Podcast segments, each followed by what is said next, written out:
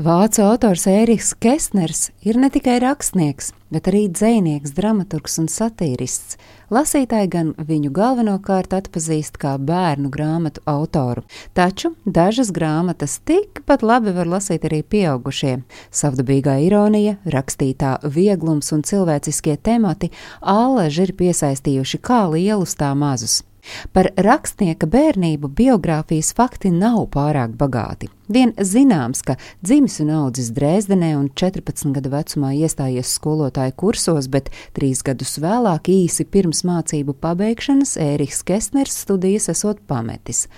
Skolotāju kursos, notikušo vēlāk, pats autors aprakstījis grāmatā Lidojošā klase.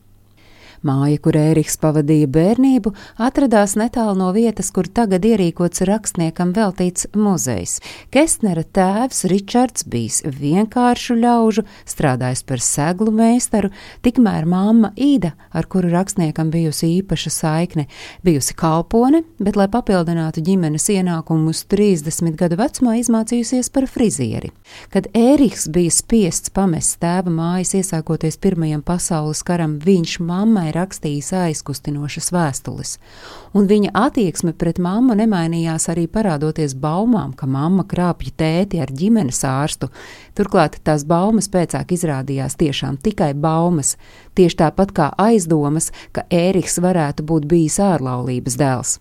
Lai arī Pirmā pasaules kara laikā Kestners nebija frontē, tomēr militārās apmācības brutalitāte un kritušie laika biedri ietekmēja Kestnera nostāju pret militāru agresiju.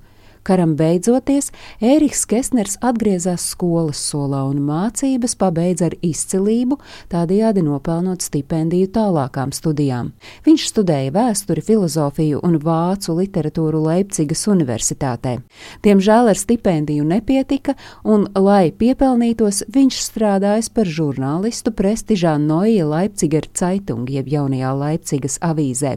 Vēlāk viņš studēja Rostokā un Berlīnē, kur ieguva doktora grādu ir tapis zināms, ka desmit gadu laikā no 1923. līdz 1933. gadam Kestners sarakstījis vairāk nekā 350 rakstu, un sākotnēji tie publicēti ar dažādiem pseidonīmiem - Bertolds Burgers, Melchiors Kurts, Pīters Flints un Roberts Neiners. Taču zinātāji lēš, ka autors bijis vēl ražīgāks, jo zināms, ka daudz tekstu sadega, kad 1944. gada bombardēšanas laikā Kestnera miteklī izcēlās ugunsgrēks.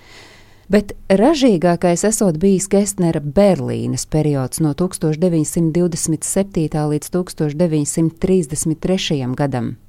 Tā 1928. gadā rudenī izdots Emīls un Berlīnes zēni, kas Vācijā vien tolaik pārdota divos miljonos eksemplāru un lasītāju iemīlēta, jo atšķirībā no vairuma tā laika bērnu grāmatās aprakstītajiem notikumiem tie aizritēja īstā Berlīnē, nevis pasaku pasaulē. Emīlam un Berlīnas zēniem sekoja punktiņu un Antons lidojošā klase, un viena no veiksmes atslēgām šīm grāmatām bija ilustrācijas. To autors Walters Trīrs arī pielicis pirkstu pie tā, lai grāmatas iekarotu lasītāju sirdis. Pēc nacistu nākšanas pie varas Kestnera grāmatas tika pasludinātas par nevāciskām. Autoru vairāk kārt pratināja Gestāpo, Nacionālā rakstnieku ģilde izslēdza viņu no savām rindām, un viņš bijis atsauliecinieks savu grāmatu publiskai dedzināšanai, kas bija Gēbels rosināta akcija 1933. gada 10. maijā. Neraugoties uz visiem šiem notikumiem, Kesners nepameta Vāciju. Pēc kara apmetās Mīnhenē, kur darbojās gan kā žurnālists, gan arī kā izdevējs. Un Kesners visu mūžu tā arī palika pacifists un aktīvi piedalījās demonstrācijās pret kodolieroču izvietošanu Rietumvācijā, iestājās arī pret karu Vietnamā. Kesners nekad neaprecējās, bet viņam bija dēls Tomas. Pats autors mira 1974. gadā. Mūža laikā viņš saņēmis neskaitāmi daudz balvu, bet pēc nāves Kestnera vārdā nosauktas ielas Vācijas pilsētās un arī asteroīds 123 18 Kestners, stāstīja Agnese Drunka.